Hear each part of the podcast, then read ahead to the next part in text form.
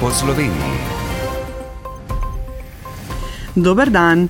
Težave z duševnim zdravjem ostajajo pomemben del človekovih zdravstvenih težav, a to področje je še vedno stigmatizirano. Prvi del oddaje namenjamo tej temi. Slišali boste o novostih v sevnici in postojni ter kako nameniti posebno pozornost duševnemu zdravju otrok. Ob mednarodnem mesecu boja proti raku na debelem črevesu in danki opozarjajo, da je preventiva izjemno pomembna.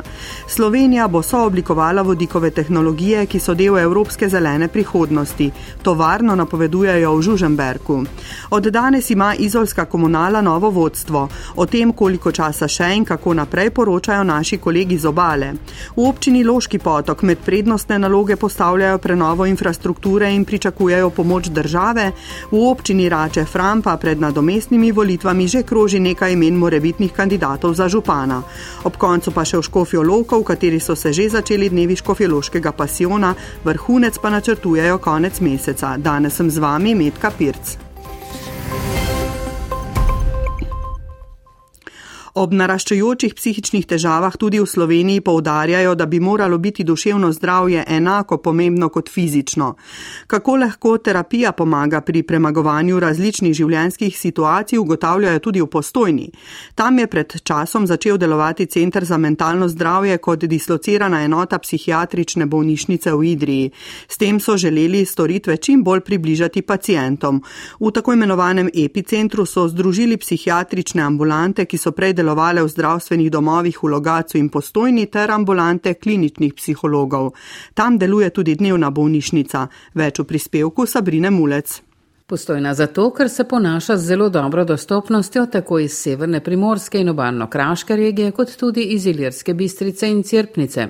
Strokovna direktorica psihiatrične bolnišnice Idrija, doktorica Anica Gorjanc Vitez, dodaja še, da je pomembno, da je zelo odprta občina, ki je v preteklosti sprejemala tudi že begunce, v postojni sodelovale vojašnice, je, bom rekla, turistično razvita občina in odprta za ljudi z vseh koncev sveta in seveda tudi za ljudi, ki so mogoče nekoliko drugačni. K njim je sicer treba priti z napotnico, čakalne dobe pa so nekaj več kot mesec dni. Če gre za nujen primer, pa seveda pogledajo tudi skozi prste in nudijo pomoč. V Centru za mentalno zdravje delujejo psihiatrične ambulante, deluje tudi dnevna bolnišnica, ki jo vodi dr. Vladimir Miloševič, ki je tudi psihodramaterapeut.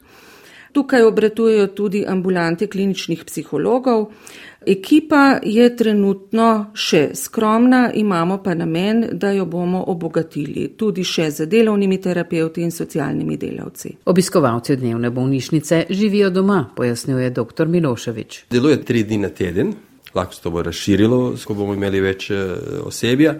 In deluje skozi skupinsko terapijo, psihodramo, individualni razgovori, potem vaje relaksacije in druge terapevtske posege, ki imajo psihoterapevtski fokus. Seveda, da pacijenti, ki prijemajo farmakoterapijo, nadaljujejo se svojo farmakoterapijo in bivanje v dnevni bolnišnici omogoča opazovanje, kako reagirajo na to terapijo, omogoča lažje korekcije terapije in bolj efikasen pristop v terapiji. Tja pridejo za nekaj ur dnevno in se po terapevtskem postopku vrnejo v domače okolje. Nekateri tudi hodijo v službo, če lahko prilagodijo to z zahtevami dnevne bolnišnice.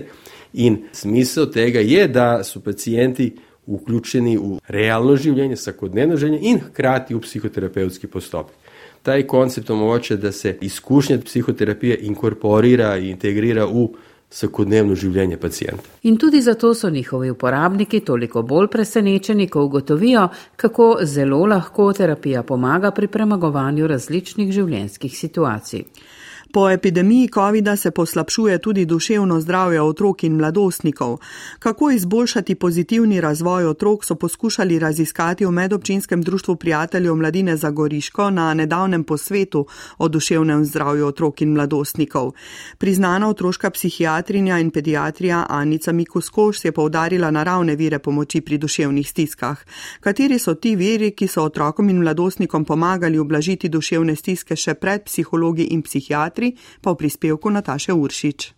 Število otrok in mladostnikov, ki se spoprijemajo s čustvenimi in vedenskimi težavami, je od 20 do 30 odstotkov, je na posvetu spomnil Emil Karajič, predavatelj na Fakulteti za uporabne družbene študije v Novi Gorici. Sistemskih rešitev ni, strokovnjaki, ki delajo na tem področju, pa se srečujejo z omejenimi viri pomoči. Karajič zato meni, da se omejene vire, ki jih imamo, usmerimo na tiste skupne točke in to je naprimer delo na psihoedukaciji, delo na mehkih veščinah, delo na čustveni inteligentnosti, na čuječnosti, na boljši socialni povezanosti, na boljši šolski klimi. To je nekaj, na čemer lahko vsak učitelj dela, vsak strokovni delavec dela. Večina otrok, ki ima težave, ne more do psihologa in psihiatra. Kaj pa je pomagalo ljudem, ko ni bilo strokovnjakov? To so bili naravni viri pomoči, spomni Anica Mikuškos. Eno je družina, ampak so tudi druga naravna življenjska okolja. Za otroke so to predvsem vrtec in šola, ampak poleg tega pa je zelo pomemben vir pomoči različne dejavnosti in socialne mreže. To pomeni vrstniška skupina pomeni neke športne dejavnosti, neke druge dejavnosti, kjer dobijo otrok občutek pripadnosti, občutek povezanosti, občutek, da je zaželjen, da ni sam. Kaj je zato treba spremeniti v našem izobraževalnem sistemu? Urška Štrenfel z Pedagoškega inštituta je na prvo mesto postavila ozaveščanje o tem problemu in še. Da imajo za to v bistvu že v samem šolskem času tudi nekaj v učene črte kot neko medpredmetno temo, ta medosebni razvoj, celostni razvoj posameznika upeljati. Predsednica medobčinskega društva prijateljev mladine za Goriško Iva Devetak je ob robu posveta še enkrat spomnila, da je na severnem primorskem veliko primerov otrok s čustvenimi in vedenskimi motnjami. Najbližji center v planini je polno zaseden, zato si želijo, da bi strokovni center ustanovili nekje na tem koncu primorske. V zdravstvenem domu v Sevnici pa so odprli središče za duševno zdravje otrok in mladostnikov za vse posavje in dogradili centr za duševno zdravje odraslih.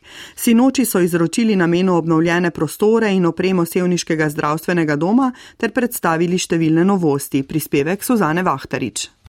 Epidemija COVID-a je zaznamovala tako zdravstvene delavce kot pacijente in na polno širitvijo programov so v zdravstvenem domu Sevnica začeli šele pred dobrim letom. Vzpostavili so centr za duševno zdravje otrok in mladostnikov za celotno posavje ter dogradili centr za duševno zdravje odraslih. In kot pravi direktorica zdravstvenega doma Vladimira Tomšič. Drug zagon smo doživeli z nadgradno nevrološke ambulante, začeli smo izvajati EMG-je, pomeni, da krajšamo eh, čakalne dobe.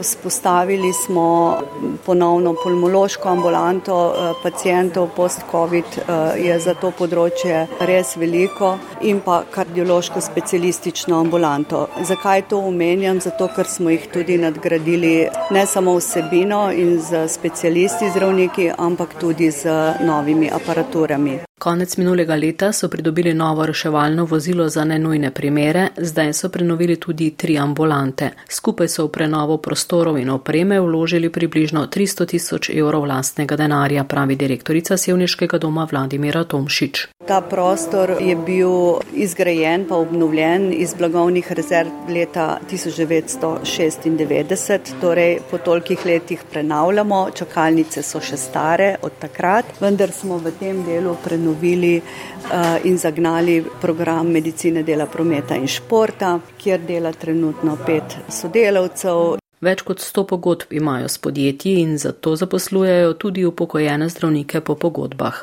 O vtisih zdravnik medicine dela Marko Ratej. Je bolj nova dejavnost, imamo šele slabi dve leti medicino dela tukaj. Prej smo bili v slabših, manjših prostorih in moramo se pohvaliti, da so ti prostori res, res lepi, uporabni. Imamo moderne aparature, nam je res nudeno tisto, kar res rabimo. Kadovsko smo zdaj v bistvu dosti popolnjeni, da se v tem segmentu pri nas ne kaže tisto pomankanje zdravnikov, sester in zdravstvenega kadra, kot je ponovadi vse posod. V Sevnici imajo približno 500 neopredeljenih pacijentov, od tega 200 tujcev, za katere menijo, da večina ne bo iskala zdravnika. Iščejo pa mlade kadre, saj se zavedajo, da v naslednjih letih sledi generacijski obrat zaradi upokojevanja. Imajo sicer devet štipendistov, na katere računajo v prihodnjih letih. Ob predaji novih prostorov so znova zagnali tudi galerijo Eskolab, ki v prostorih zdravstvenega doma deluje 28 let.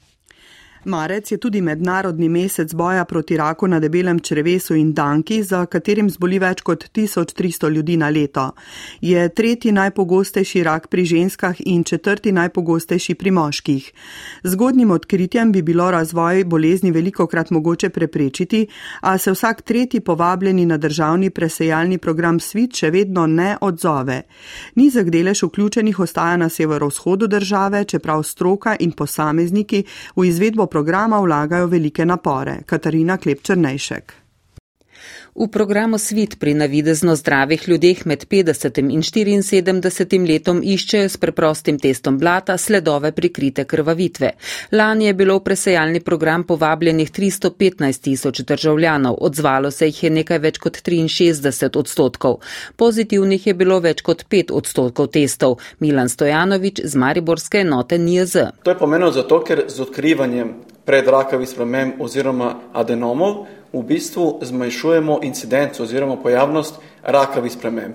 Po koperski regiji ima drugi najslabši rezultat odzivnosti na presejalni program Svit podravje, nekaj več kot 60 odstotkov. Med 41 občinami je vključenost najvišja v občini Selnica ob Dravi več kot 68 odstotna in najnižja v cirkulanah manj kot 44 odstotna. V štirih občinah, Cerkvenjako, Cirkulanah, Vidmo in Kungoti, je vključenost pri moških manj kot polovična. Mnogi bolezni, ki prizadene številne posameznike in družine, še vedno najemljajo resno, pa pravi Mariborčanka Nika Mirt, ki kot dolgoletna ambasadorka spodbuja ljudi k udeležbi v programu in svari pred hudimi posledicami se trudim na čim bolj poljudno oziroma čim bolj sproščen način predati to sporočilo, podeliti svojo izkušnjo, kakršno sem jaz imela in mislim, da ravno zaradi tega, ko podelim svojo izkušnjo z ljudmi, jih mogoče malo bolj spodbudi, da reče, aha, mogoče pa ne želim, da se mi to zgodi. Rak na debelem črvesu se v telesu razvija več let, preden se pojavijo znaki. Z odzivom na vabilo programa Svit vsaki dve leti lahko morebitno bolezen odkrijemo pravočasno, s tem pa znatno povečamo možnost ozdravljanja. Eh, novo tovarno v Žuženberku napoveduje eden največjih evropskih proizvajalcev elementov zelenih energij. Izolska komunala ima novo vodstvo, v Loškem potoku načrtujejo naložbe, a hkrati ugotavljajo, da brez države ne bo šlo. Mariborski kolegi raziskujejo, kdo vse bo kandidiral za župana v občini Rače Fram, ob koncu pa še v Škofijo Loko, v kateri so že začeli pasionske dneve pred znamenitim škofeloškim pasionom. Ostanite z nami. V energetski krizi vse večji pomen napovedujejo vodiku kot eni od možnih tehnologij prijaznejših do okolja. V Žuženberku naj bi kmalo zgradili novo tovarno za izdelavo gorivnih celic za proizvodnjo vodika iz vode. Izdelovali naj bi jih v podjetju Keko, ki je eno vodilnih na področju proizvodnje elementov za zeleno energijo v Evropi. Dopovdne je občina Žuženberg podjetju prodala 1,6 hektara veliko zemlišče v obrtni coni jama pri dvoru. Več o prispevku roku Jožeta Žure. Keko oprema na sedajni lokaciji na območju nekdanje Iskre v Žuženberku zaposluje 75 delavcev. Energetska kriza je pospešila iskanje rešitev na področju zelenih energij in za tujega partnerja morajo že prihodnje leto dostaviti keramične elektrolitske gorivne celice za proizvodnjo vodika iz vode. Rešitev so našli v lokalnem okolju in danes kupili 1,6 hektara zemljišč v novi poslovni coni Jama pri dvoru, pove direktor podjetja Tone Konda in smo strašno rabili prostore, tako da smo imeli veliko srečo, da je eh, ta eh, prostor se pojavil eh, že tako pripravljen, da lahko mi začnemo z investicijo že v letošnjem letu in da bomo več ali manj poskušali vsaj prvo halo postaviti tam do začetka naslednjega leta. Občina Žuženberg je lani začela urejati 3 hektare veliko poslovno cono jama, vrednost naložbe 1,8 milijona evrov, pove župan Jože Papež. In ravno včeraj smo dobili tudi ugodno rešitev, tako da smo dobili tudi približno od države pol milijona evrov sredstev. Zdaj je tudi že drugi razpis, imamo drugo dražbo. Upam, da bo še te tri parcele, katere so na razpolago v tej coni, tudi v tem sklopu prodano. V osrčju suhe krajine bodo torej razvijali elemente za tehnologije prihodnosti pri reševanju shranjevanja odvečne energije, dodaje direktor Keko opreme Tone Konda. Osnovna ideja, da se tam, kjer se, kjer se lahko proizvaja elektrika, zapravo neki s solarnimi paneli ali z, z vetrom, ne, da se tam lahko postavi lokalno postaje, ki so velikosti tudi tam eh, petih krških elektrarn, se pravi, so tam 5 gigavatov moči, ki potem skrbijo za to izravnavo tudi omrežja. V novi avtomatizirani tovarni bodo dodatno zapustili 25 ljudi, predvsem inženirjev različnih strok. Z današnjim dnem vodenje izolske komunale kot vršilec dožnosti za največ tri mesece prevzema Robi Flego, član nadzornega sveta. Ta funkcija mu bo sicer do potrditve novega direktorja mirovala.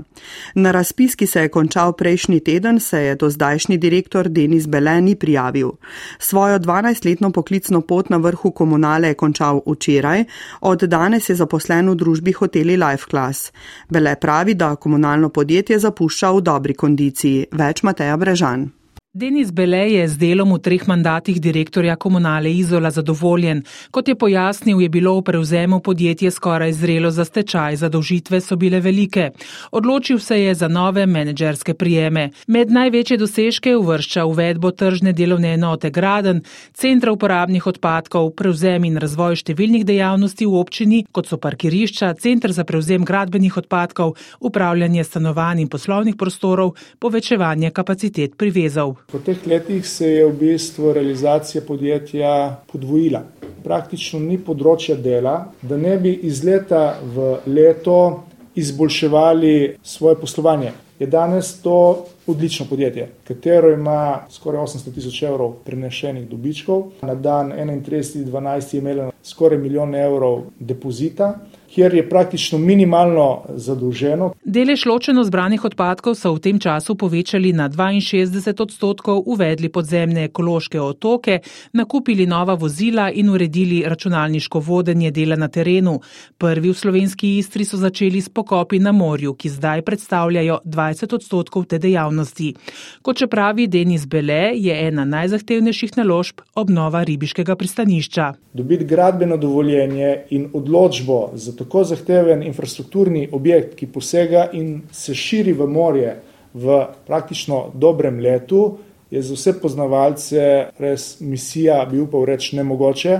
Vse to v prihodnje ne sme biti razlog za mirovanje, še povdarja Bele, ki je danes že začel z delom direktorja tehničnega področja in investicij v družbi hoteli Life Class. Med prednostnimi nalogami novega vodstva občine Loški potok je prenova infrastrukture, zlasti vodovodnega omrežja, na katerem načrtujejo več naložb že v tem in prihodnih letih. Ker gre za ozemeljsko veliko občino z odaljemi zaselki ali 1800 prebivalci in 4 milijoni evrov v proračunu, pričakujejo tudi pomoč države. Prispevek Marka Škrlja. Med drugim nameravajo vodovodno omrežje urediti oziroma prenoviti v naseljih Podpreska, Draga in Travnik, za kar so naredili tudi novo vrtino, pravi župan Loškega potoka Simon Debeljak. E, obenem, potem, ko bomo to povezali, moramo še rezervno vrtino urediti in poštimati, ker tiste je tudi že kar stara, tudi bomo imeli zdaj ta del. Pozneje naj bi na sistem priključili še vas trava.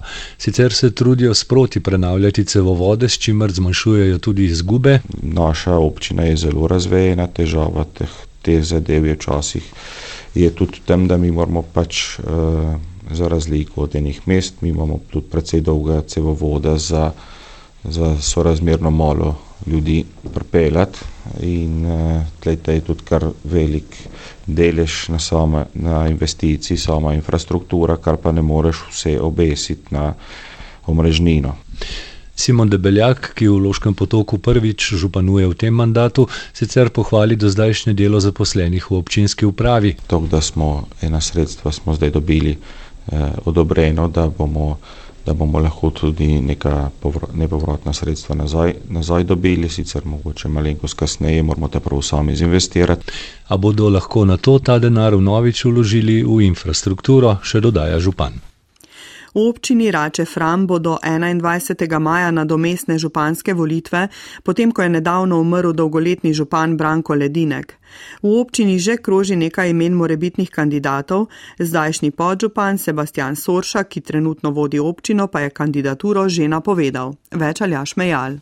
Podžupan Sebastian Soršak, ki je bil v občinski svet izvoljen na neodvisni gasilski listi, nam je potrdil, da se bo na županske volitve podal kot neodvisni kandidat. Torej s podporo voljivcev, more biti pa podpora etabliranih strank ali pa ostalih neodvisnih list, pa mi bo vsekakor prišlo prav in bom vesel vsake podpore.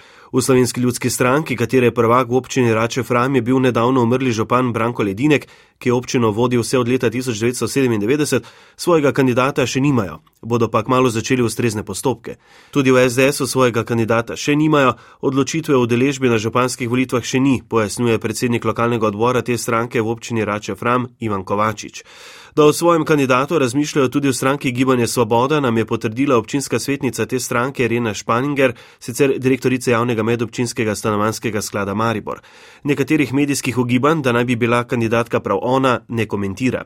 Kot mogoča kandidatka se omenja še Romana Fischer, ki je na lokalnih volitvah nastopila na neodvisni listi upokojencev Fram.